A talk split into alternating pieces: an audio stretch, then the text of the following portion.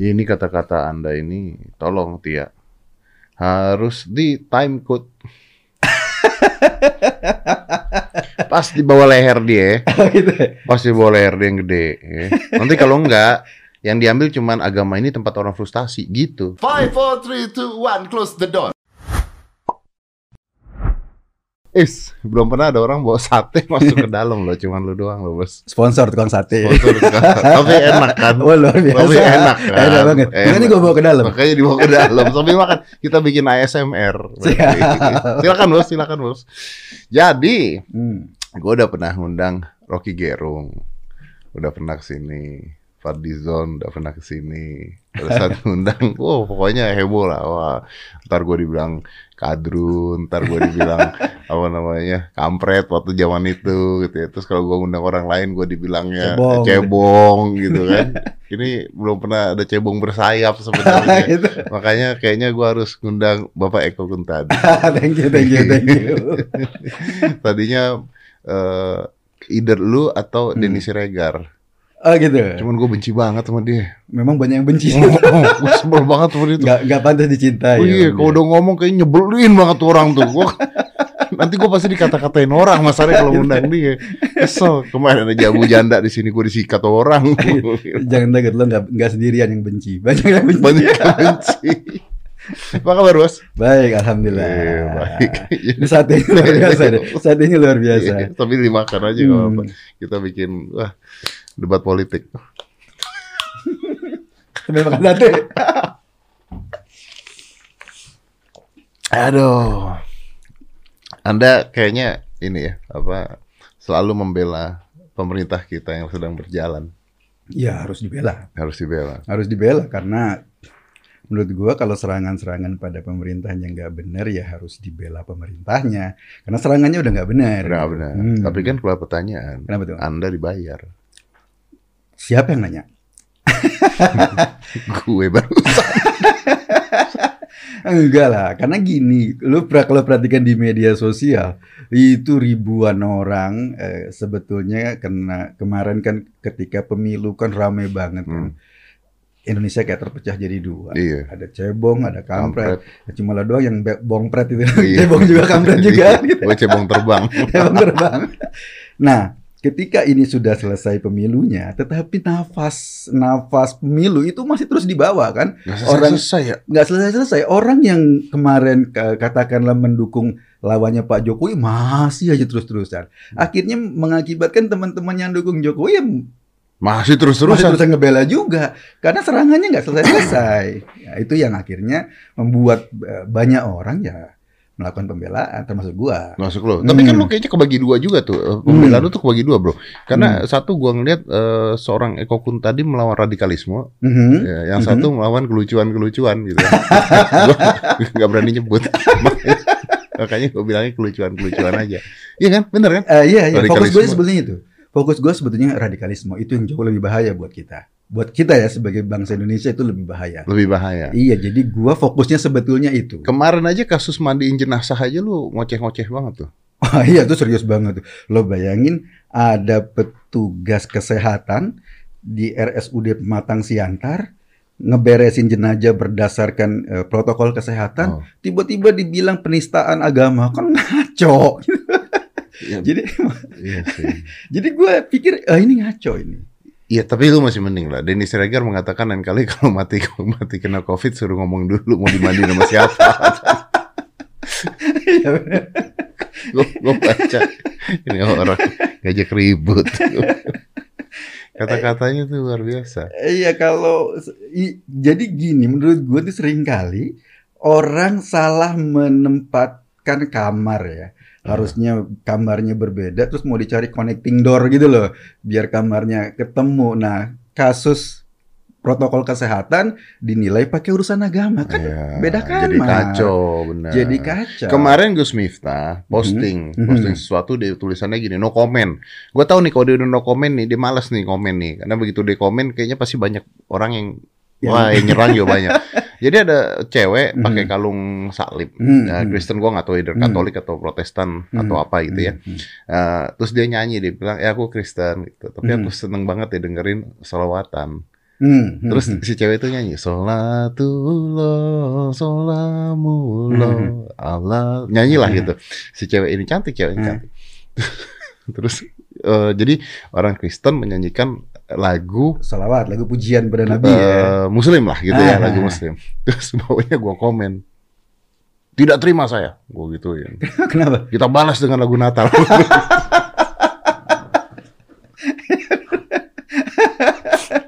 Terus gue sambil nulis itu gue sambil deg-degan loh bro Kenapa? Gue mikir, ini orang Dapat nggak ya? dapat nggak gitu kan?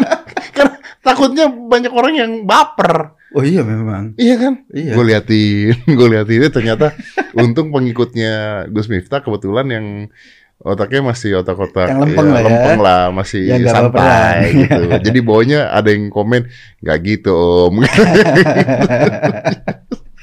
ya, tapi sebenarnya nggak apa-apa juga kan, ya maksudnya. Sangat tidak apa-apa. Artinya gini deh. Kan kita ini melulu terlalu serius ya. Iya. Beragama juga melulu banyak terlalu serius sehingga kemudian sedikit-dikit penistaan, sedikit-dikit penistaan. Iya, Kita ini kurang humor gitu. iya benar-benar. Dalam banyak hal bernegara kurang humor, bernegara beragama kurang humor, Eh, karena terlalu serius jadi gak baper, gampang tersinggung. Itu yang gue khawatirin sebetulnya. Iya benar-benar. Bangsa ini kurang humor gitu. Kemarin Denny Siregar sempat mengatakan bahwa apa tuh? Dia minta diretur barangnya. Apa tuh? Itu yang saudara-saudara Kristen dapat hari Bowo, Ah, terus kita dapat siapa? Yahya Waloni. ya ya Allah.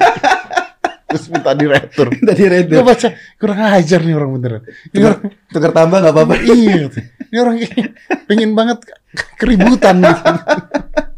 Itu beneran kayak sekarang kan komentarnya juga lucu. Kemarin komentar soal anjing kan, Hmm. nabrak anjing. Gua kalau nggak salah lu juga ngebahas itu Oh, kemarin gue kan. disikat abis bos, Sama sama ya pengikut-pengikutnya lah. Gue kira sama Gue digoreng, Gue kira sama anjing yang nonton podcast. gue digoreng bro. Oh, ya? Jadi gue bilangnya siapa sih si Yahya ini? Aha. Terus bilang, lu pakai si katanya.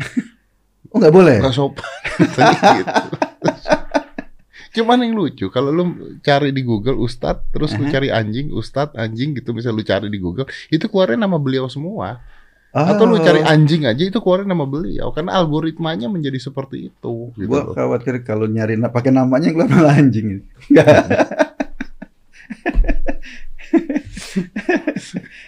Ya sekarang kan dia ngomong lagi tuh. Ini, iya iya apa apa? Kan, eh, apa dia bilang tuh Yesus adalah nabi yang gagal. Oh iya iya iya, dari berapa nabi yang oh. gagal katanya Yesus. Iya gitu kan itu menurut gua kadang-kadang memang gua nggak tahu ya kok bisa ya orang ini terus-menerus melakukan provokasi terhadap kalau terhadap agama lain gitu. Jujur bro, gua ngebayangin ya kalau dia kan dia ngaku mualaf kan, Hmm. Nah, ya, mualaf lah. Kemudian terus Jangan menerus bawa mualaf dong. ya, Kan gue juga mualaf. Iya, karena gue ngebayangin gini, dia mualaf, kemudian dia memprovokasi agama lamanya kan, Heeh. kan begitu. Iya. Dia merasa wah heroik gitu. Gue khawatir teman-teman mualaf yang lain juga tersiksa loh bro.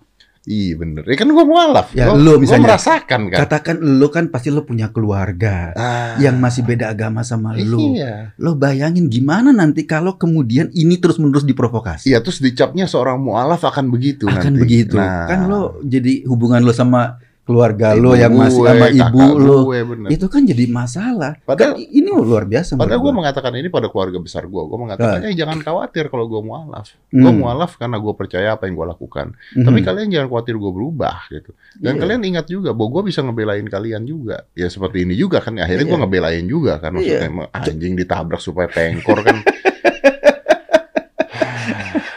Eh, mungkin banyak orang khawatir ketika lo mualaf dulu, wah ntar jadi kayak Yahya Waloni lagi kan gitu kan. Makanya lo kan pasti jadi, khawatir dong. orang mau mualaf lagi nanti pikir nanti anda jadi kayak begitu. Ah, mending gak usah deh lo Nah, ngeribetin bener, nanti. Bener. Itu kan jadi pada Iya. akhirnya membatasi. Padahal atau- kalau saya mualaf bukan itu bos. Oh iya. Bukan. Kalau saya Gue gak perlu nanya ya. Nggak, nggak. Tanya dong, kenapa, kenapa, kenapa? butuh zakat. oh, betul zakat. Katanya Iya, mualaf, iya, iya. katanya orang mualaf tuh kan diberikan zakat. Kemarin gua ngobrol sama, Pak- sama Habib Jafar. gitu. zakat dong, gua mualaf. Dia marah-marah. Tapi lucu ketika kita bisa bercanda dalam hal seserius ini. Ah. Itulah Indonesia harusnya gitu. Harusnya begitu. Menurut gua kita nih kalau seandainya ini kan gue pelajari ya kayak kiai kiai NU ya Hmm. kalau kita dengerin ceramahnya Hmm. itu banyak hal-hal yang membuat kita tersenyum sambil menimba pelajaran. Iya betul. Gue pernah dengar ceramah siapa gitu dia bilang Indonesia ini aman kalau lo masih ngelihat orang tidur saat sholat Jumat. Kenapa? Karena dilihat itu pasti eh, u- ustadznya atau eh, apa penceramahnya ngomongnya nggak keras, nggak jihad bunuh. Ketika dia ngomong adem, jemaahnya tidur berarti Indonesia aman. Tapi kalau kita udah nggak bisa tidur saat sholat Jumat, karena eh, apa namanya eh, penceramahnya ngomong jihad bunuh, nah kita udah nggak aman tuh. Tapi kan masalah toa kekencengan aja dulu ribut kan bro. Iya. sampai di mana-mana. Nah itu juga itu yang paling mengerikan bro. Dikit-dikit penistaan, dikit-dikit penistaan, dikit-dikit merasa ini masuk ke jalur agama. Ya kayak nakes di pematang siantar itu. Oh enggak, dia melaksanakan prosesi kesehatan, mendisinfektan jenazah, dianggap memandikan mayat. Kan nggak ada nyambung. Iya sih. Gitu loh. Jadi problem kita tuh di situ sebetulnya. Kurang humor. Kurang humor. Menurut ya. gitu. Iya, Kurang humor dan kurang saling mengerti sih ya. Kurang pengertian. Ya kalau jenazah itu ya aduh mana ngomongnya. Ya memang Iya. Ya sudah lah ya gitu kan harusnya ya. Harusnya ya. Ya, tapi, tapi beres kan maksudnya. Alhamdulillah beres kejaksaan pematang siantar menghentikan kasusnya karena dianggap pasalnya nggak memenuhi syarat untuk dilanjutkan. Ya teman-teman di pematang siantar alhamdulillah jadi lebih. Gue sih ngebayangin ya kalau bener empat empat orang nakes Tangkap itu gitu. ditangkap dan dipenjara itu ribuan nakes kita itu pasti ketakutan Iya. Dan akhirnya penanganan covid nggak selesai. Suruh mandi sendiri. Suruh mandi sendiri, jenazah dikasih gayung aja itu mandi sendiri sana lo.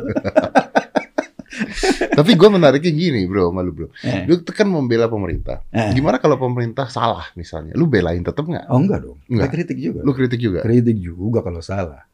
Kalau Pernah salah, lu ngeritik nggak? sering, sering. Cuma Pak Jokowi pernah dikritik? eh, pernah ketika misalnya dulu gue nggak sepakat, ketika eh, Pak Jokowinya langsung belum ya. Tapi eh, beberapa case misalnya menterinya, Hmm. ketika waktu itu Menteri Agama yang awal ya, yang belum Hmm. yang sekarang ya, Hmm. yang Pak Fahru Roji, Hmm. itu seperti memberi angin pada FPI, kita protes keras. Kita kritik kan, itu kan bagian dari kabinetnya Pak Jokowi gitu. Kita Iya. kritik keras yang seperti itu karena menurut kita ya nggak benar kalau menteri seorang menteri pejabat negara memberikan ruang kepada kelompok yang jelas-jelas ada undang apa ADART-nya menegakkan khilafah nggak benar Hmm. kayak gitu. Jadi kita kritik kalau memang salah. Soalnya gue baca juga di salah satu berita, lu mengatakan bahwa gue lebih baik dikatakan basar daripada gue dikatakan anggota dari partai tertentu. Oh iya iya iya, gue lebih ikhlas dikatakan buzzer ketimbang dianggap anggota PKS gitu. Anda yang ngomong. Anda yang ngomong. Karena memang menurut gue stigma-stigma kayak dulu ya, ketika Jo, Pak Jokowi sama Pak Prabowo ke- apa berkompetisi, kan ada di stigma kan cebong-cebong biar kita minder. Tapi kemudian gue ngomong sama eh, teman-teman juga akhirnya malah bangga. Gue cebong emang kenapa? Akhirnya orang-orang yang stempel cebong berhenti. Eh kenapa sih dikatain cebong tuh? Gua nggak tahu, tapi dulu kalau kalau nggak salah Kaisang itu anaknya Pak Jokowi itu pernah ngomong. Oh iya iya iya. iya. Pak Jokowi itu kadang-kadang dulu suka ya, ada ada kolom Iya, apa suka jadi memberi makan gitu ya, iya, memberi iya. makan eh, cebong liar atau apa, jadi Iya. dianggapnya Kalau kampret kenapa ya? kampret itu dulu itu kan ada ko koalisi merah putih KMP, ah gitu loh. Oh. Jadi kalau nggak salah itu teman-teman akhirnya nyebutnya kampret kampret ya. Kok mereka kan waktu itu eh, kelompoknya Pak, Pak Prabowo kan koalisi merah putih ya Hmm. namanya. Itu kan artinya saling menghina jadinya kan endingnya kan. Kalau kita nggak merasa terhina dibilang cebong kan akhirnya dosa di mereka nggak hilang dong. Iya iya. iya. Kita lo gue dikatain misalnya lu jelek lo terus dulu gue nggak merasa terhina berarti lo nggak dosa kan? Iya betul. Kita sebetulnya membela mereka itu. Kalau kita diberikan hadiah, hadiahnya kita tidak terima jadi milik dia gitu ya. Betul. Kalau kita dikatain orang kita tidak terima jadi milik dia. Iya iya. Iya, iya. gitu. Iya benar benar benar. Jadi benar, ketika teman-teman dikatain cebong nggak merasa terhina, kan akhirnya yang ngatain nggak dosa. Kita kan membela mereka sebetulnya biar mereka nggak dosa. Sekarang di, di stempel buzzer, Hmm. gue teriak iya gue buzzer, buzzer publik, buzzer NKRI. Kan jadi mereka nggak dosa mau stempel-stempel kita buzzer, mau fitnah-fitnah kita dibayar kan kita membela dia sebetulnya kan. Masuk akal, masuk akal, masuk akal. Tapi kalau mereka kita stempel kadrun kan mereka ngamuk. Tapi lu pasti akan dipertanyakan orang juga, akan dibayar nggak dibayar nggaknya pasti banyak yang nanya akhirnya. Iya nggak apa-apa. Menurut gua eh, banyak orang, ribuan orang yang menggunakan media sosialnya untuk membela Pak Jokowi itu menjadi saksi tanpa gua harus ngomong gue dibayar atau nggak dibayar. Ada jutaan orang tuh buka itu. Tapi kalau menurut gue gini kok, maksudnya Kenapa? kalaupun dibayar, ini menurut gue pribadi Ah, ya, ah, menurut gue pribadi loh ya, maksudnya gue tidak mewakilkan Eh, semua orang di iya, Indonesia. menurut gue gini, kalau dibayar pun misalnya oleh pemerintah, leader itu buzzer atau influencer atau hmm. apa, menurut gue sih sah ya, iya sah. karena memang influencer dan sebagainya kan, ya memang tujuannya adalah untuk membawa berita, menggiring berita dan sebagainya. Itu kan udah sebuah pekerjaan. Apa bedanya dengan media dan sebagainya gitu?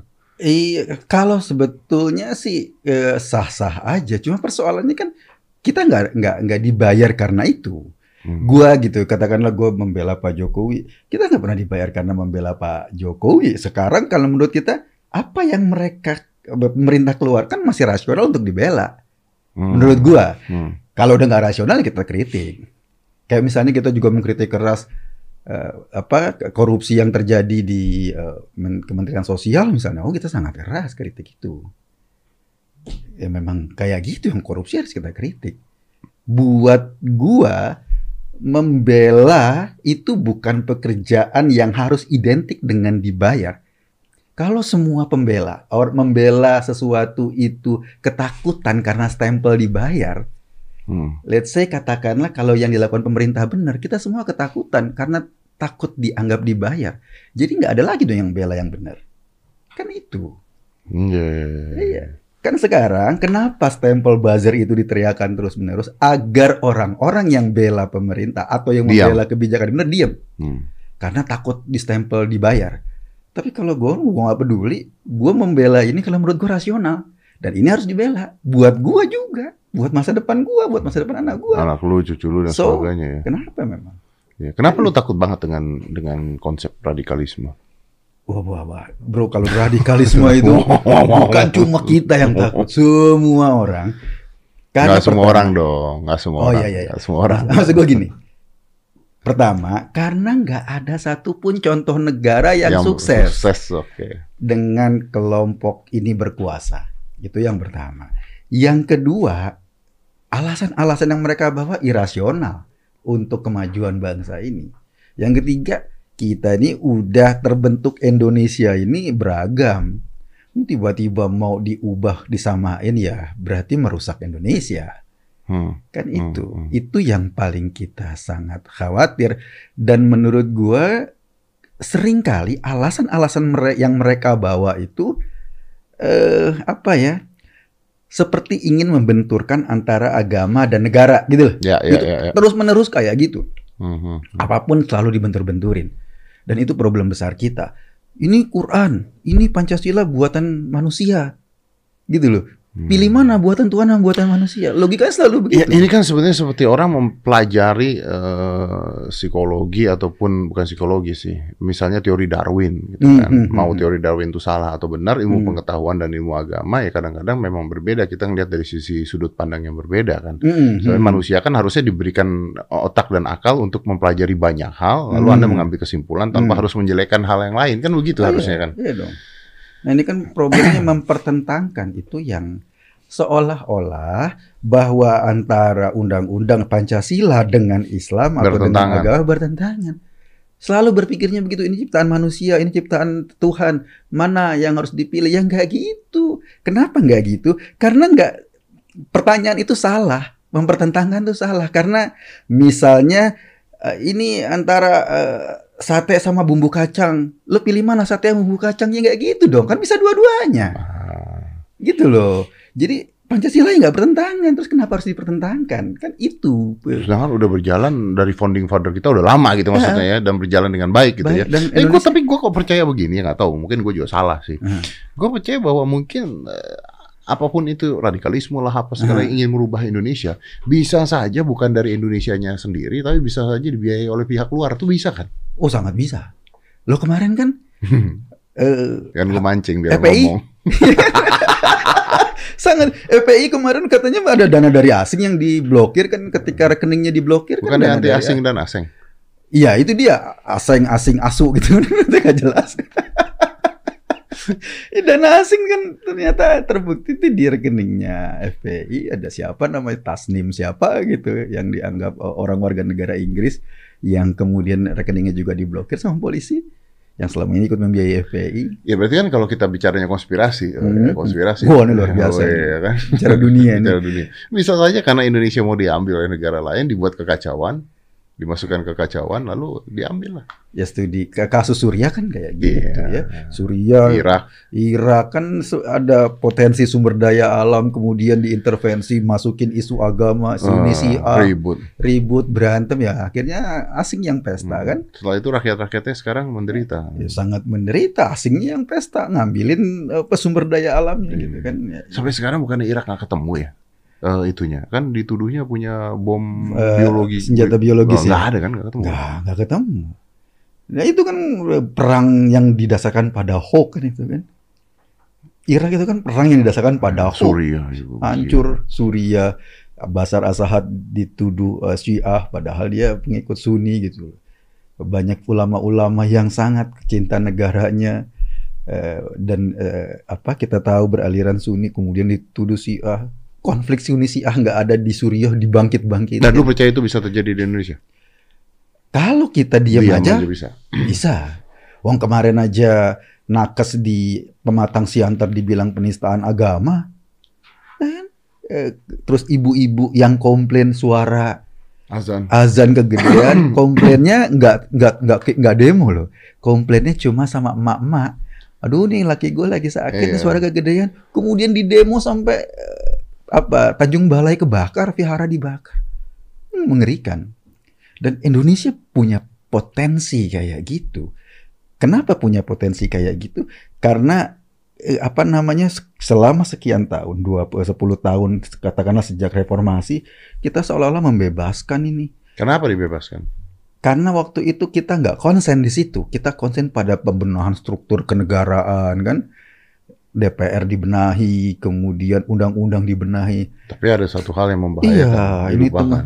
kita dulu kan diti- ditindas merasa wah kita harus bebas nah mereka juga mendapat berkah kebebasan mendapat berkah demokrasi akhirnya menjalankan agendanya sendiri menyusup ke sekolah-sekolah menyusup ke BUMN sekarang mereka ingin Nah, artinya bro, kalau lu mengatakan seperti itu, sebenarnya undang-undang ITE ini kan katanya mau dirubah. hmm. Katanya, lu setuju nggak? Eh, gua pada prinsipnya setuju. Minimal gini, minimal nggak ada ketakutan lagi di antara kita.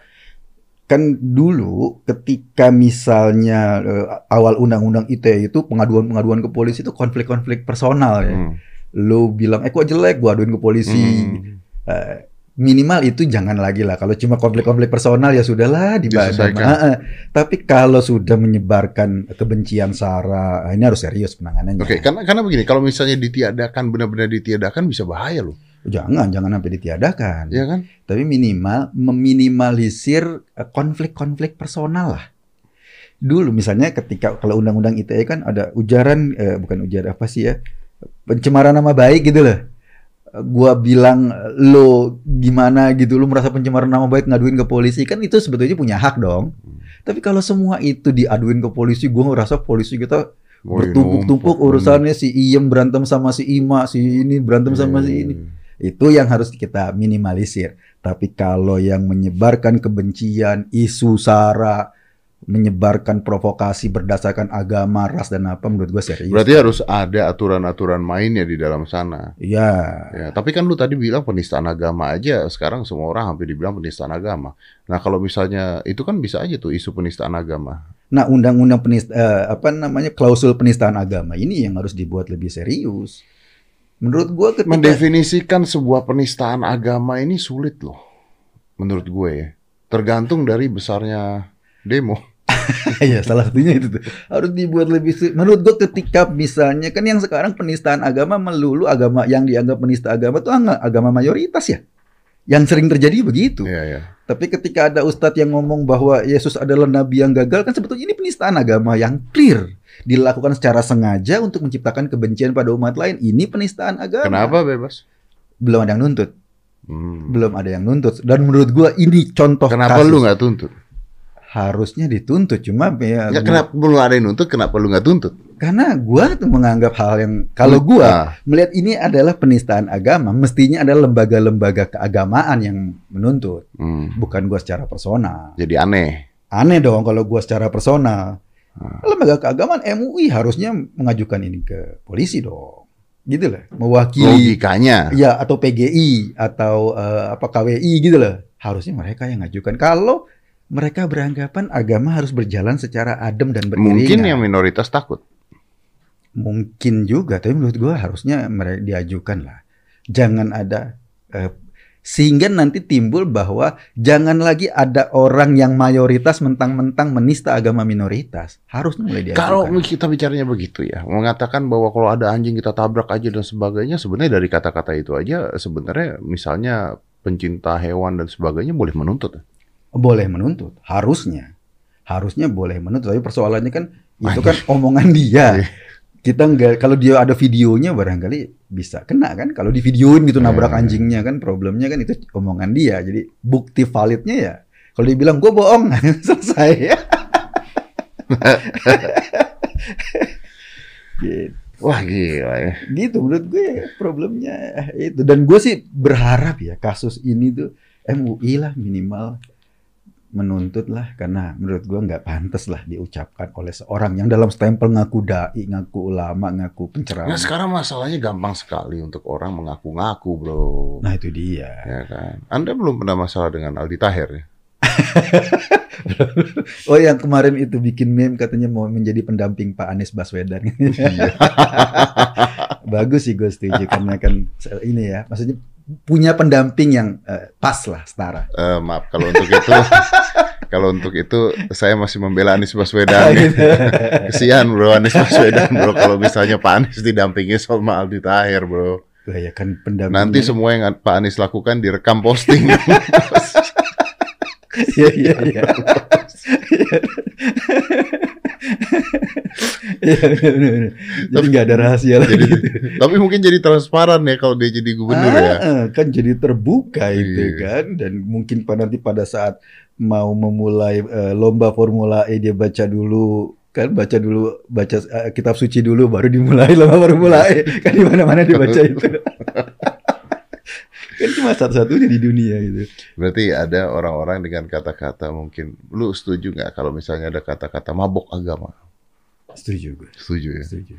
Dan ini jauh lebih bahaya menurut gue. Gue pernah dengar dari eh, siapa ya? Gue lupa. Orang mengatakan ketika hal itu terjadi atau radikalisme atau terorisme atau apa pun itu ya. Mhm. Ya radikal nih radikal yang mana dulu? Kalau Nah. radikal terhadap hal yang positif ya nggak apa-apa ya. Kita radikal kan juga Mhm. beda-beda ya. Atau terorisme terjadi itu ada dua hal. Yang satu Hmm. adalah kemiskinan, satu Mhm. adalah ideologis. Hmm, hmm, Gitu. hmm. Ternyata kemiskinan itu bisa membuat seseorang menjadi teroris Oh iya. atau radikal yang negatif Hmm, karena perut lapar. ya. Nah, ini makanya ketika kemarin korupsi bansos itu juga berbahaya akhirnya. Oh iya, karena bisa menimbulkan itu kan, menimbulkan gairah perlawanan. Iya, kan? kebencian juga Ah, yang jadi ah, masalah. Ya memang eh, sebetulnya yang membuat kaum kelompok radikal ini punya angin salah satunya kelakuan kayak gini juga, koruptor, orang-orang yang curang, sehingga mereka kemudian tuh kalau nggak berpegang pada aturan Tuhan, Koruptor itu ada di pemerintah juga loh, Bos. oh iya, iya. Jadi di Anda ini bela pemerintah atau bela Kita bela Indonesia. Bela Indonesia. Kalau memang kebijakannya benar ya kita bela. Tapi kalau perilaku koruptornya ya kita ludahin rame-rame dong. Hmm. Memang ya mereka yang justru pengen merusak Indonesia juga kan koruptor. Eh, radikalisme itu tingkat daya kerusakannya hampir sama. Siapa yang kemarin baru tangkap eh Pak Nurdin Abdullah. Sulawesi Selatan. Selatan ya. Nah. Eh, beliau itu Iya. eh, timnya baru aja menghubungi tim saya Untuk podcast. eh, untuk podcast Oh, iya? seminggu yang lalu. Wow. Gitu. Terus kan karena kita ngeliat juga jadwal dan sebagainya, Ah. terus topiknya apa kan kita nggak juga. Gini bos, banyak juga nih orang-orang pejabat-pejabat yang mau menggunakan media ini untuk berbicara kan banyak juga gitu ya. Kita kan harus Iya, ya memilah-milah gitu, Iya, memilah-milah. Pada saat itu gue lihat tunggu dulu topiknya apa nih. Ah, ah, ah. Topiknya apa, terus waktunya juga minggu ini, wah minggu ini gue padat. Ya kalau kita nunggu ya apa-apa, kita nunggu gitu. Baru dilihat ketangkep bro. Wow. Coba kalau misalnya dia ada di sini, ketangkep? tiga ketangkep. Oh gitu. Iya. Maksud dong. lu? Yang udah pernah di sini gitu? Iya. Siapa aja tuh? Edi Prabowo, Pak Edi, Oh iya. Pak Edi di sini, Pak Yuliari di sini, Ah. sama beliau. Nanti jangan-jangan orang takut di sini. bisa jadi. Jangan-jangan gue intel. Orang KPK gue. Tapi jujur gue dulu tuh lumayan agak ngefans loh sama Pak Nurdin itu. Karena prestasinya di eh, Kabupaten Bantaeng itu Luar biasa. Luar biasa, cukup berhasil membangun itu. Ya kita nggak tahu ya. Kemudian jadi gubernur dan akhirnya kejeblos sama peristiwa ini, gue juga nggak tahu. Tapi harus jujur ketika dia dulu jadi bupati, eh, itu prestasinya bagus. Dan menurut gue kita punya harapan. Ada bupati yang bisa punya prestasi luar biasa itu ya kita punya harapan. Tapi ya itu dia. Tapi kita juga nggak tahu maksudnya. eh, ya ini kan masih dalam penyelidikan terus ya. Ah, ah, ah. Maksudnya ketika beliau korupsi atau siapa korupsi, apakah uangnya benar-benar buat dia apa enggak? Gitu. Nah, tahu. Gue sih pertanyaan. Iya, dan kita kan harus akuin demokrasi Indonesia ini mahal banget kan, bro? Lo iya, lo mau jualan kemudian masyarakat yang semi apatis gitu, kan nggak mau lo ngeluarin kayak sama jualan produk kan biaya marketing dan lain-lain Iya. kan mahal. Kan Butuh balik gitu ya. ada yang butuh balik, ada yang barangkali yang punya bohir yang harus dikembalikan proyeknya.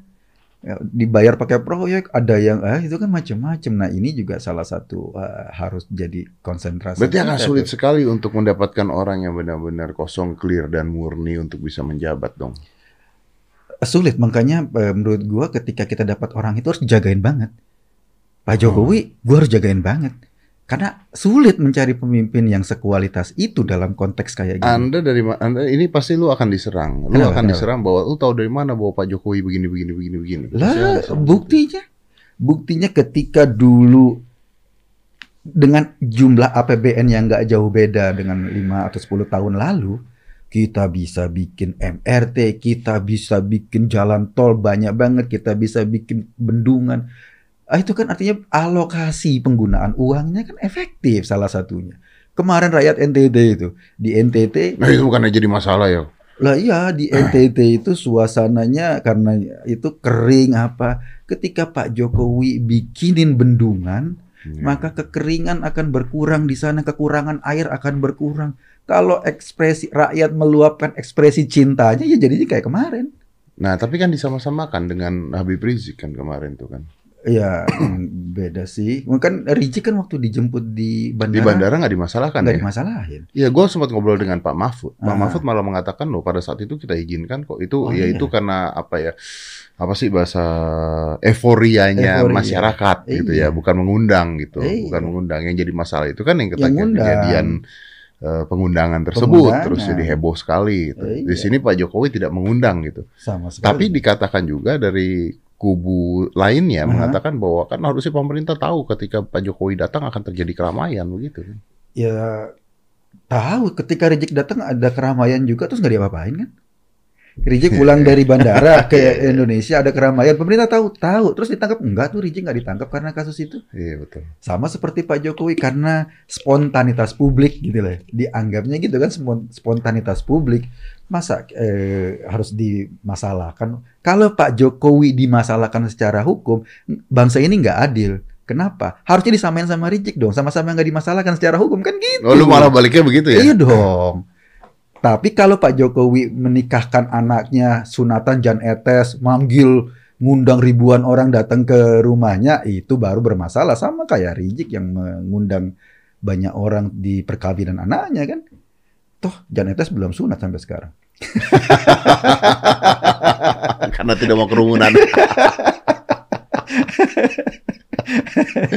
Gitu. Harusnya Iya. disamain. Gue setuju disamain. Karena itulah perlakuan hukum sama antara Rizik dan Jokowi sama perlakuannya. Dan kita sudah buktikan itu sama. Gitu kan gitu. gitu, ya, ya, ya. Gue ngerti, gue ngerti dari sisi lu gue ngerti. Tapi you know, there a lot of people will not agree with you. Ah iya, karena mereka melihatnya. I tapi gue nggak tahu juga a lot of people or not. Hmm. Karena berita sekarang tuh gue nggak tahu. Kadang-kadang tuh beritanya cuma dari orang-orang sedikit tapi dibas besar-besaran jadi Iya. negatif gitu loh. Ya karena tujuannya kan memang untuk sebetulnya tujuan kenapa ini dibahas untuk stempel bahwa pemerintah nggak adil kan itu. Ini Pak Jokowi otoriter, orang teriak protes diserang sama buzzer. Pak Jokowi harus membereskan buzzer misalnya gitu. Ya. Gua kadang suka bingung. Kalau Pak Jokowi mau beresin buzzer, gimana caranya? Ngeberesinnya gimana? Wong gua Orang bukan mereka yang ngumpulin gitu ya Ah, maksudnya. orang gue inisiatif sendiri kok dan ribuan orang mungkin puluhan ribu orang main di media sosial inisiatif sendiri terus gimana caranya Pak Jokowi mau beresin kecuali nutup eh, platformnya itu nggak ada yang bisa. itu kan karena ke- pertama statement itu ingin menunjukkan bahwa ini diorkestrasi gitu loh atau di Ya karena waktu itu karena kan yang diambil adalah foto ketika kumpul-kumpul waktu itu gitu. oh iya iya waktu di apa apa di istana Bogor ya Ah. Lah ya itu kan kumpul-kumpul kan bukan cuma gua, bukan cuma uh, uh, pengguna media sosial atau katakanlah uh, para pegiat media sosial dikumpulin bidan aja dikumpulin sama Pak Jokowi foto-foto. Emang ada bidan Jokower gitu loh kan nggak ada. Tapi pada saat itu memang momennya beda. ya. Momennya pada saat itu adalah untuk pemilu bukan? Eh, enggak, Bukan dulu ya? momennya buka puasa bersama. Jadi gue diundang acara buka puasa bersama, datang buka puasa, taraweh, bubar. Ya ngobrol-ngobrol sebentar hahaha, hehe, ketawa-ketawa gitu. Dan sebagai rakyat jelita kan diundang presiden, wah luar biasa gitu kan. Eh, Gue dateng dong diundang presiden, kalau pakai ongkos sendiri, bayar tol sendiri gitu lah ke Bogor. Datang foto-foto, seneng dong diundang presiden dan kita kan nggak pernah ke Istana Bogor. yang mereka pikirkan kan adalah bahwa hukum ini tidak adil, tidak imbang, ada yang ditangkap, ada yang tidak. Itu kan sekarang. Iya, ka- yang ditangkap tuh kan karena memang melanggar hukum. Kalau yang nggak ditangkap ya karena huku- eh, pasalnya nggak cukup untuk nangkep. Kan yang ditangkap itu misalnya katakanlah orang yang nyebarin hoax tentang surat suara yang udah dicoblos satu kontainer. Hmm. Lo bayangin kalau kita pemilu Tapi kemarin Ambrosius itu juga ketangkap. kan ya. ketangkap. Karena memang dia bikin postingan yang katakanlah menghina secara ras kan ditangkap sama polisi, diproses. Sama aja ada temen gue satu di Kalimantan, dokter. Ketika dia posting itu jogor banget. Ditangkap, diproses dan dipenjara. Serius. Serius, dokter. Ada teman lagi di eh, Sumatera Barat, eh, kalaupun nggak ditangkap ya, tapi dilaporin, diproses. Itu Jokowi garis keras, sama. Semuanya sama.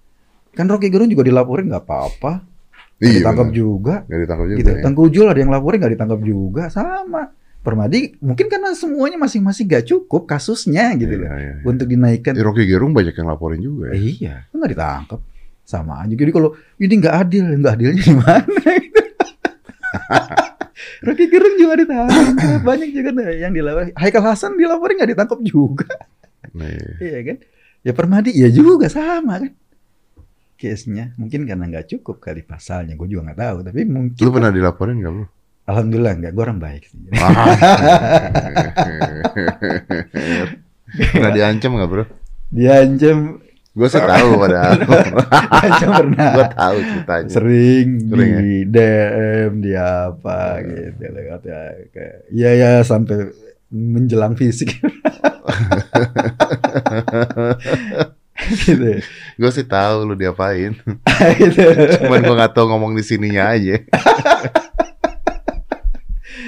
Ya gitu karena memang waktu itu lagi dua satu dua ya 212. lagi rame ramenya dua satu Baut hilang ya. jadi mobil gua gua jalan Tapi kita nggak nuduh nih, kita nggak nuduh ya. Gua nggak nuduh. Nuduh ya. Tapi waktu itu lagi zaman 212, mobil gua jalan masuk tol, kemudian gedebak gedebu gedebak gedebu, gua kira kenapa gue periksa bumper nggak apa-apa pas gue lihat baut gue tinggal satu ban belakang Bisa saja karena memang bautnya Emang copot. copot. Dan Kita gua- gua juga nggak tahu itu karena apa. Seuzon pada Iya. mereka atau siapa pun itu orangnya, Iya. ya kan? Bisa aja copot. atau bisa lu ngelindur lu copotin sendiri gitu kan. iya beda tapi gue nggak tahu itu kenapa cuma baut gue tinggal satu masuk tol Wah, anjir bahaya banget, Bos. ah ya itu dia setelah itu gue mobil gue jual gue takut bro Jual. serius Nah, orang yang beli gimana? Oh, udah lu pasang lagi. gue masuk gue pasang oh, lagi. kirain posisi satu lu Iya. jual. biarin aja ketika orang ngelihat terus eh, nomor polisinya tuh mobil gue kenal aja ke mobil gue udah udah dibawa keluar kota lah yang beli nggak tahu masalahnya apa. Eh, itu, itu mengerikan mengerikan tapi Bawa, ya, oh, ya, sorry. ya alhamdulillah sih bahwa kayak gitu yang dulu itu pada gue ngerasain banget kerasnya itu pada kasus Jakarta ya 212 tuh berarti kasus Ahok ya? kasus Ahok Kasus itu pada Ahok, saat ya. itu eh, keras banget bahkan orang takut loh timnya Ahok gue kan waktu itu kan nggak nggak nggak ikutan tim-timan kayak gitu ya gue cuma nulis aja di Hmm. Facebook ya Hmm.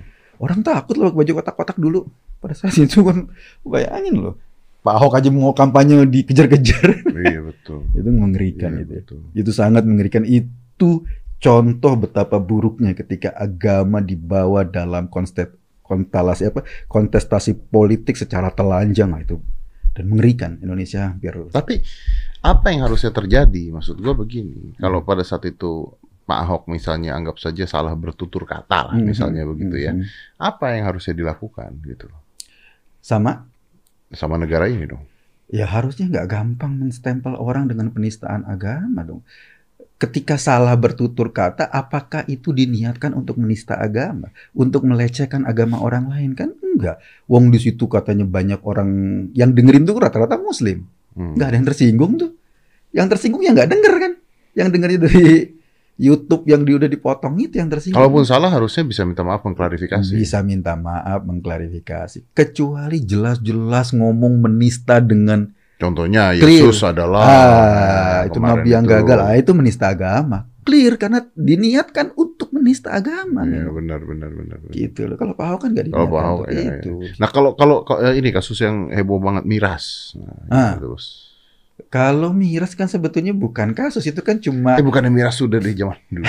ya. Iya satu itu. Yang kedua kan sebetulnya menghapus menjadi dari daftar negatif investasi kan. Jadi memang nggak fokus ke situ. Tadinya daftar negatif investasi, kemudian untuk daerah-daerah tentu diperbolehkan gitu loh. Terus nanti kalau misalnya apakah nanti pasti miras eh, pabrik miras ada di situ ya belum tentu kan nanti ada gubernur, ada bupati gitu kan. Gue tuh kemarin ditanya sama orang, gimana nih? Eh, gua nggak jujur aja nih bro, jujur gua nggak ngikutin berita tentang miras. Hmm. Karena eh, gua bahkan nggak tahu nih tentang berita itu. Jadi mungkin gua anggap aja gua gagal paham karena gua tidak mengikuti berita tersebut karena menurut gua tidak menarik. Hmm, hmm, hmm.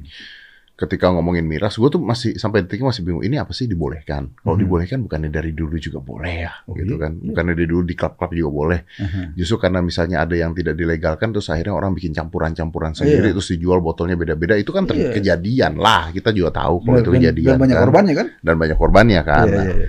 Apa gitu? Terus kemarin banyak orang, Mas Dedi, gimana pendapatnya tentang miras gini gini gini gini gini? Udah habis itu, ambil baru dong. Iya, iya. Tapi enak kan? Enak, enak banget. Enak kan? Terus? Kalau ini memang lebih enak daripada miras lah. Ah, Ah, top. setuju ini. Mengenyangkan. iya betul. Nah, ketika orang-orang ngomongin tentang miras dan sebagainya, terus gue bilang begini ke teman gue, gue nggak tertarik loh. Terus dia nanya, kenapa nggak tertarik? Katanya, ya setahu gue sih dari gue kecil ya. gue Hmm. bilang, kalau gue ke Hatrok atau Hmm. gue zaman dulu kan Hmm. Hatrok ya, Hmm. atau ke mana gitu. Ya namanya miras sudah ada dari dulu, gue bilang. Iya. Jadi apa yang mau diomongin? Kalau ganja dilegal, karena gue ngomong tuh menarik tuh, itu wah itu Seru tuh ya. seru tuh gitu kan dan kalau ganja dilegalkan mungkin bisa buat ini pemasukan negara menurut gue di Amerika ganja di mana-mana kan bro Iya, iya, iya, iya. iya. Di jalanan di negara-negara bagian Hmm. tertentu ya, maksud Hmm. gua ya. Hmm. Gue jujur aja pada saat ke Amerika kan gua ke Vegas, wah jualan ganja semua. Gue bilang ini Itu buat dikonsumsi apa buat apa pengobatan? buat nyimeng bos. Oh ya? Iya, Oh. buat nyimeng ada kan tahun baru nih. Hmm. gue malam tahun baru gue keluar, ini orang semuanya geganja di sana bos. ini jujur sama Iya, gue iya, sih iya. eh, berani bersumpah. Gue Ah. nggak, gua nggak ngisep ya, gue nggak. Aha. Pernah nggak? Ya Ah. zaman dulu mah siapa yang nggak tahu lah gitu Iya, kan iya. ya. Ini orang-orang ganja semua. Gue mikir gini, anjing. Ini tahun baru, semua orang di sini ganja. Kan gue Ah. kesedot ya. Ikutan mabok. ya kan? Gue kesedot kan. Kalau gue dicek positif di Indonesia gimana gue bilang gue kesedot kan Iya, iya, goblok. iya, iya. Nyimengnya kagak. Senengnya kagak, tangkapnya iya gue bilang. Bego gue bilang kan. Tapi ya kalau itu menarik gitu kan. Hmm. Apalagi katanya ganja eh, ada gunanya buat obat dan Iya, sebagainya iya, iya. sebagainya. Kalau Hmm. miras Ya kalau miras Jakarta kan kalau misalnya itu kan yang dibolehkan investasi di eh, daerah-daerah yang memang secara apa ya memang masyarakatnya sudah ada yang memproduksi tapi produksi eh, tradisional ya Hmm. di NTT misalnya kita kenal moke atau sopi kalau nggak salah itu itu ya produksi dari aren Hmm. gua aja tiap lebaran dulu waktu masih kecil nenek gua tuh bikin tape uli Hmm. Tape uli itu kalau udah disimpan lama di, di lemari es. Oh iya, mabuk-mabuk juga. Wah iya. Itu nenek gua, Haji, Betawi. Iya. Gua nggak tahu itu kategori miras apa enggak, tapi setidaknya waktu itu gua nungguin bikin tape uli gua tungguin, gua Lu bangor berarti. Lu yang bangor, Bos. Sengaja gua merem nanti ketika airnya gua iniin dikit wah asik buat tidur itu keren. Iya, benar. manteng Nyantai juga. tidur ya. gua nggak tahu itu kategorinya apa Iya. itu kategorinya miras tapi itu nenek gue yang bikin Kalau gue pribadi gini, Bro. Kalau gue pribadi, kalau kita bicaranya tentang miras atau obat-obatan dan lain sebagainya ya. Gue itu gue pribadi gue tuh nggak minum alkohol, Bos. Hmm, hmm, hmm. Bisa nggak minum alkohol? Bisa. Hmm, Ya hmm. kalau di- dipaksa harus dan sebagainya gue minum bisa nggak Hmm. ya bisa gitu Hmm. maksudnya ya semua orang minum alkohol juga bisa kan Hmm, gitu kan hmm, intinya kan pernah nggak gue minum pernah Hmm, tapi mungkin seumur hidup gue Hmm. gue minum alkohol tuh nggak nyampe satu botol hmm.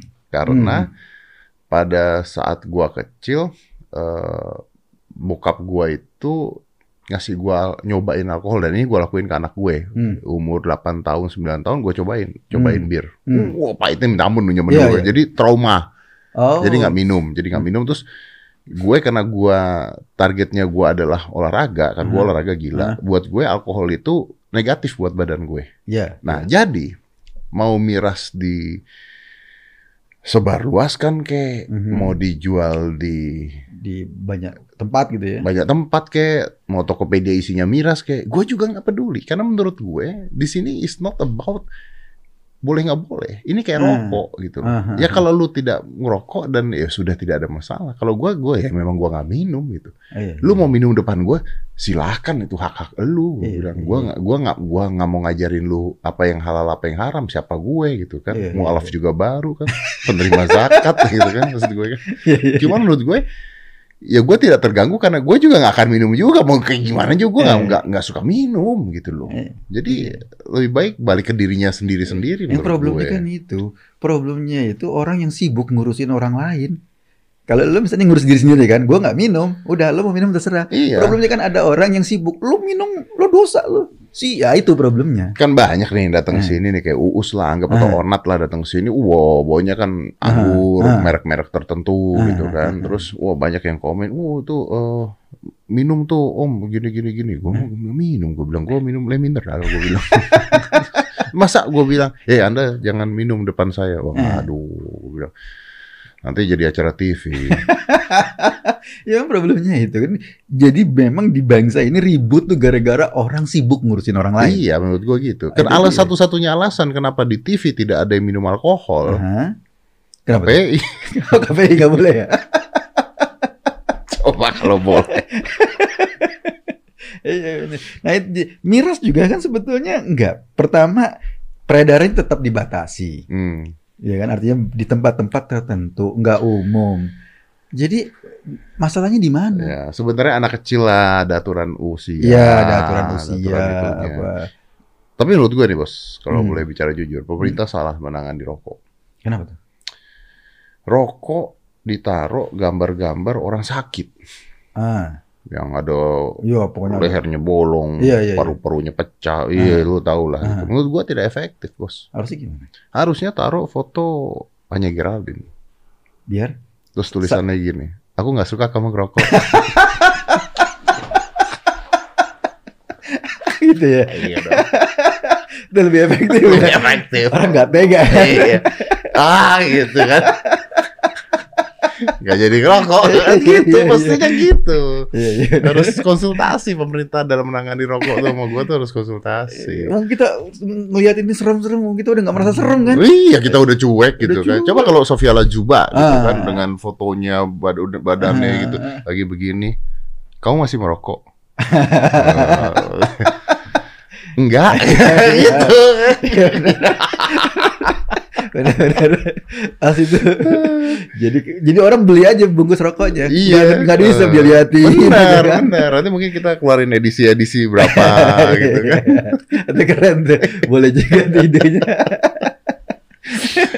tapi, tapi lucu ya maksudnya harusnya disikapi dengan tertawa, canda, gurau karena itulah Indonesia, bener gak sih bro? Iya, gue berharap Indonesia tuh kembali. Dulu tuh kita celak-celakan kata-kataan kayaknya asik aja tuh. Bro, dulu kita eh Cina, Ah, iya. Cina, eh Jawa, eh Batak, Iya, santai-santai aja. gitu kan. Sekarang- Nggak ada yang ribut ya dulu ya? Iya, nggak ada yang ribut. Dulu gua, tetangga gua yang eh, teman-teman SMP gua, SD gua, yang Kristen, yang Islam, yang Buddha, yang Hindu, kita santai aja. Gua Muslim datang ke tempat teman-teman yang Kristen pada saat Natalan, nggak pernah tuh gue denger ngucapin Natal haram. Itu nggak pernah. Setahu gua, ngucapin selamat Natal pada orang Kristen memang di- harusnya dibolehkan. Yang diharamkan itu ngucapin Natal pada sesama Muslim. Nah itu nggak boleh. Ya bener. Kalau katanya teman gue, ngucapin Natal nggak mau ikut diskonannya mau. Iya. Dulu kita nggak pernah ribut bro. Gua nggak tahu sejak, sejak kapan, tapi gue menikmati Indonesia yang dulu. dulu itu ada buku mati Hmm. ketawa cara Islam, mati ketawa cara Iya, Katolik, iya. mati ketawa cara Yahudi. Yep. Nah, Dan kita bisa menertawakan soal-soal yang sekarang dianggap sensitif. yang kan. sekarang dianggap sensitif. Kita bisa ketawa. Gus Dur lihat aja humor ala Gus Dur itu. Aduh, kocak-kocak banget, lucu-lucu banget dan eh, humor santri apa itu kalau sekarang dibaca oleh kelompok yang ngambekan yang hobinya Kan? Iya kan? Dikit-dikit agama, dikit-dikit apa. Eh, itu pasti, wah ini penistaan agama. Tapi dulu kita bisa tertawa dengan asik gitu loh. Nyaman kita. Kita eh, kita menempatkan yang sakral di tempatnya, yang profan di tempatnya. Nggak kita campur adukin. Yang lucu tuh ada itu eh, Ustadz ya, ya Hmm. Waloni itu mengatakan youtuber tuh kafir gitu. Padahal lo udah mualaf ya. Udah mualaf. Murtad lagi dong berarti gue. Ya kata Gus Dur nanti lo sahadat lagi. Gampang. Terus gue taruh di IG story. Eh maaf mikrofon lu buatan mana? gue agak bingung jawabnya tuh. Aduh. Ah, itu dia Aduh. dan gue juga ya itu dia dikit-dikit kafir lah Dik. jadi seolah-olah beragama itu jadi sesuatu yang menjengkelkan Iya. dan gue pernah baca ya satu laporan ya di Timur Tengah di Saudi misalnya itu orang penganut ateis itu makin meningkat Hmm.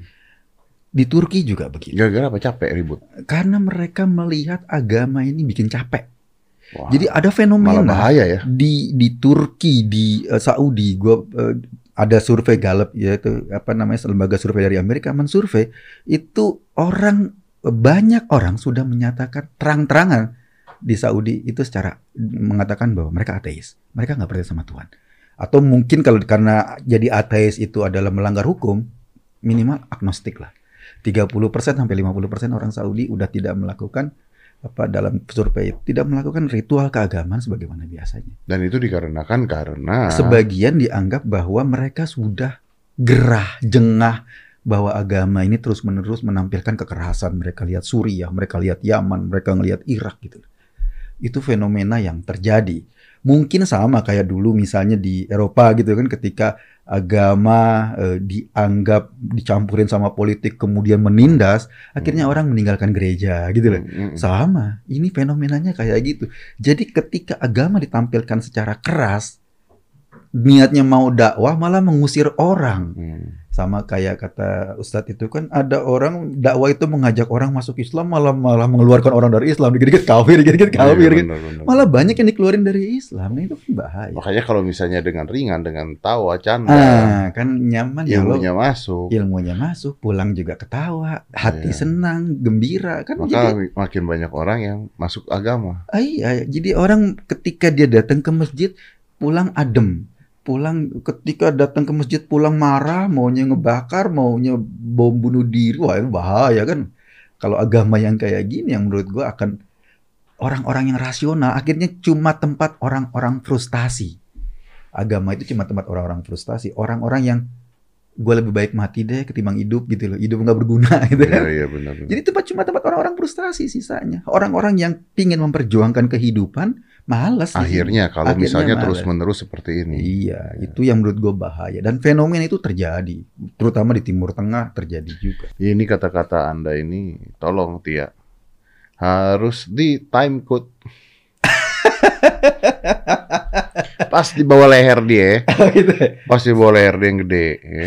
Nanti kalau enggak, yang diambil cuman agama ini tempat orang frustasi gitu. Iya, iya, Itu kebiasaan orang gitu sekarang, bro. Main potong. Dipotong-potong, Iya. dipotong-potong terus diambil gue yang iya iya iya iya gitu kan. Cilaka kita. Masuk penistaan agama kita. tadi itu repotnya tuh. Penistaan agama semua pula. Iya, jadi karena, karena memang fenomenanya kayak gitu. Makin keras kita oh, agama ditampilkan dengan wajah yang keras, makin orang yang rasional makin malas. Gue setuju.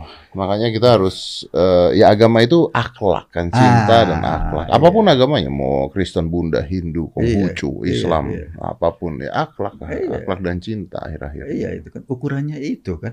Ke, gua lebih suka berteman sama orang yang baik ketimbang orang yang satu agama tapi nggak baik kan gitu. Iya benar. Ya, dia baik sama gua, gua nggak peduli agamanya apa, gua suka berteman sama dia. Karena pada dasarnya kita nggak boleh tuh berteman hanya agama lu apa ya, nggak boleh gitu Ah, dulu kan. Oh iya. Kalau lo cowok apa cewek ya? Apa. Itu boleh, itu boleh. Kenapa? Karena sekarang agak-agak susah membedakan. Gitu, iya kan? Kita nyari agak nanya Iya. agama itu sensitif, tapi nanya jenis kelamin kan nggak apa-apa. Sensitif bos, nih jenis kelamin bos, bos. Oh, iya? Sensitif. Tanya ke Lucinta Luna. gitu. Oh bisa disabit. sensitif bos. Iya benar. Iya, ngerti, gua ngerti. Kayak gitu ya. Wow. Sering juga deh. Ya tapi itulah kalau misalnya lagi ya mudah-mudahan Indonesia ke depannya lebih baik lagi, lebih damai lagi, lebih indah lagi, lebih lucu dan pengertian positif Oh ya. iya, iya. Ya.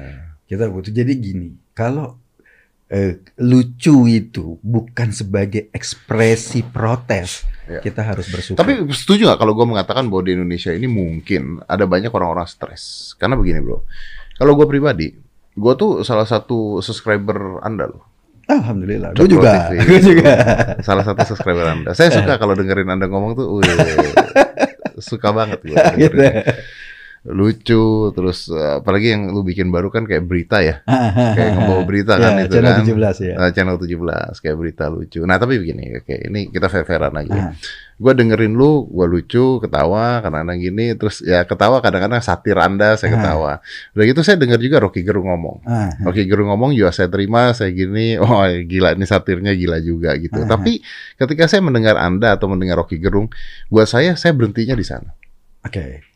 Saya berhentinya di sana. Ah, ah. Buat saya ya udah eh, nggak apa-apa kalau ada orang ini berpihak sini, orang ini berpihak sini atau mereka berdebat dan sebagainya, nggak apa-apa. Yang jadi masalah adalah ketika banyak orang-orang stres yang akhirnya wah ini kok bener, wah, wah, wah, Hmm. serang ini. Wah. Iya. Menurut gue itu yang harusnya eh, masyarakat kita tuh makanya gue nggak setuju ketika dikatakan eh, kemarin di Asia Tenggara netizen kita paling toksik. Gue nggak setuju. Kenapa tuh? Karena jelas-jelas netizen kita yang paling peduli pada orang lain. Udah nikah belum? Tapi sebetulnya netizen kita itu ya itu membantu kita loh bro.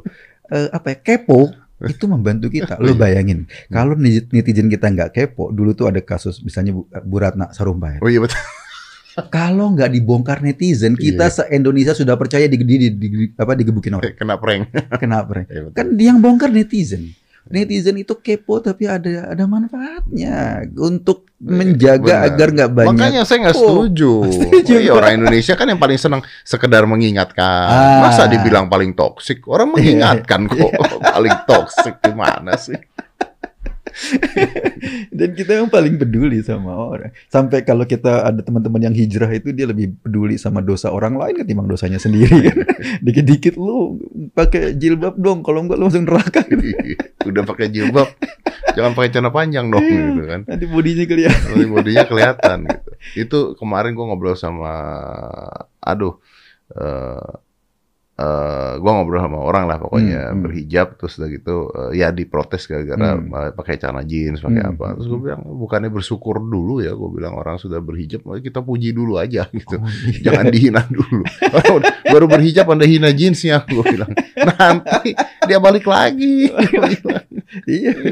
maksudnya yang positif dulu aja kita kita syukuri dulu gitu Syukuri kan namanya orang kan jalan kan pelan-pelan Iya. Nggak bisa lah iya. kita ngarepin sesuatu tiba-tiba harus sempurna sesempurna apa yang ada di bayangan Anda. Ah, ah, Itu kan ah. nggak bisa. Gue mualaf yang pertama kali ditanyain orang-orang apa? Ah. Anaknya kapan? Oh ya? Iya. Bukannya gua dulu ini. Gue bilang, ini anak akil balik belum? Lu udah nanya. Bapaknya aja belum nanya. Gue bilang, lu udah nanyain dulu. Gue bilang, gimana sih? Lu bayangin nggak kalau itu dibaca anak gua begini-gini, gini, Nah, mungkin iya. anak gua jadi antipati. Nah itu Iya, iya benar benar. akhirnya kok benar. begini? Iya, jadi benar. begini. benar. Kita- Pakai contoh aja bro, nggak usah pakai kata-kata. Emosi gue kadang-kadang kalau udah begitu tuh. Ya, derita Iya. mualaf ini. Makanya perlu disantuni. Benar. Makanya punya hak zakat ya. Makanya punya hak zakat. Karena udah udah tahu ini bakal ada derita-deritanya. Gitu. loh. Lucu lah, lucu memang memang. Iya. Ya tapi ya gitulah ya. Ya mudah-mudahan santai lah ke depannya lebih santai lagi lah. Ya, gue sih berharap kita lebih banyak ketawa, bangsa ini lebih banyak lucu dan kita Iya. menanggapi perbedaan itu dengan ketawa-ketawa, seru-seruan, gak perlu harus emosi gitu. Anda kenal, tapi sebelum gua udahan nih, Hmm. Anda kenal Denny Siregar secara pribadi nggak? Kenal. Bilangin gua nggak suka sama dia. Nanti kalau gue bilang sama dia, gue juga gak suka sama Dedi. Jangan nanti dia nanti dia ngomong bikin konten tentang gua. ribet gue. nanti gue sampai, nanti gue Urusan sama dia ribet gua malas gua nggak mau gua. Tapi gak usah khawatir, kalau lo gak suka sama dia, bukan cuma lo sendiri. Banyak, suka, banyak banyak, yang nggak suka sama dia. banyak. lo banyak temennya. Bro, thank you ya. Thank Thank, you, thank you, for thank you, coming. Eh, ya apa pun itu ya kalian mau setuju nggak setuju ya diambil aja yang kalian setuju lah gitu ya. Kalau nggak setuju ya udahlah. Iya. Emang kontennya konten buat orang-orang yang bisa menerima perbedaan Ah, eh, iya. tanpa rasa baper. ya kan? Thank you bro for Thank coming. you, Let's close sama-sama. this. Five, four, three, two, one. Close the door.